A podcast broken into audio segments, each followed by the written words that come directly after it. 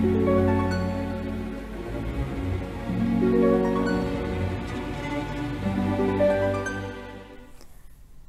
saya dengan Madam Aza. Untuk para Cancer, yang pertama kita bukakan adalah karir. Karir The Fool. The Fool ini dia loncat dari jurang untuk mendapatkan bintang di bawahnya.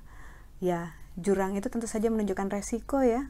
Bisa jadi sakit kalau jatuh ke dalam jurang. Ini menunjukkan nanti kamu akan membuat sebuah keputusan yang cukup beresiko berhati-hati kalau misalnya ada uh, masalah di kantor ataupun office politik gitu ya karena kartu The Fool ini menunjukkan orang yang meninggalkan zona nyaman untuk mendapatkan bintang.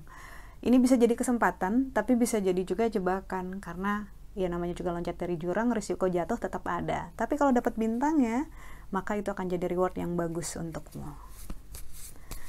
Untuk percintaan, kartu yang diberikan adalah the moon. Segala sesuatu sekarang sedang, sedang tidak pasti, belum jelas arahnya ke mana. Karena itu membutuhkan upaya yang konsisten dari kamu. Jangan awalnya mau ke kanan, tiba-tiba belok ke kiri gitu ya. Yang jelas-jelas aja, yang pasti-pasti aja. Dan terutama jangan sampai menyakiti perasaan orang lain dengan ketidakpastian yang kamu berikan. Kartu yang terakhir adalah kartu nasihat. Oke, okay. kartu nasihatnya adalah The Tower.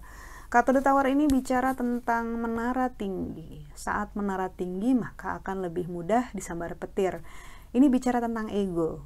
Cobalah untuk mengerti bahwa orang lain sama seperti kamu, juga punya ego yang ingin dihargai, ingin dicintai, ingin dianggap penting, ingin didahulukan.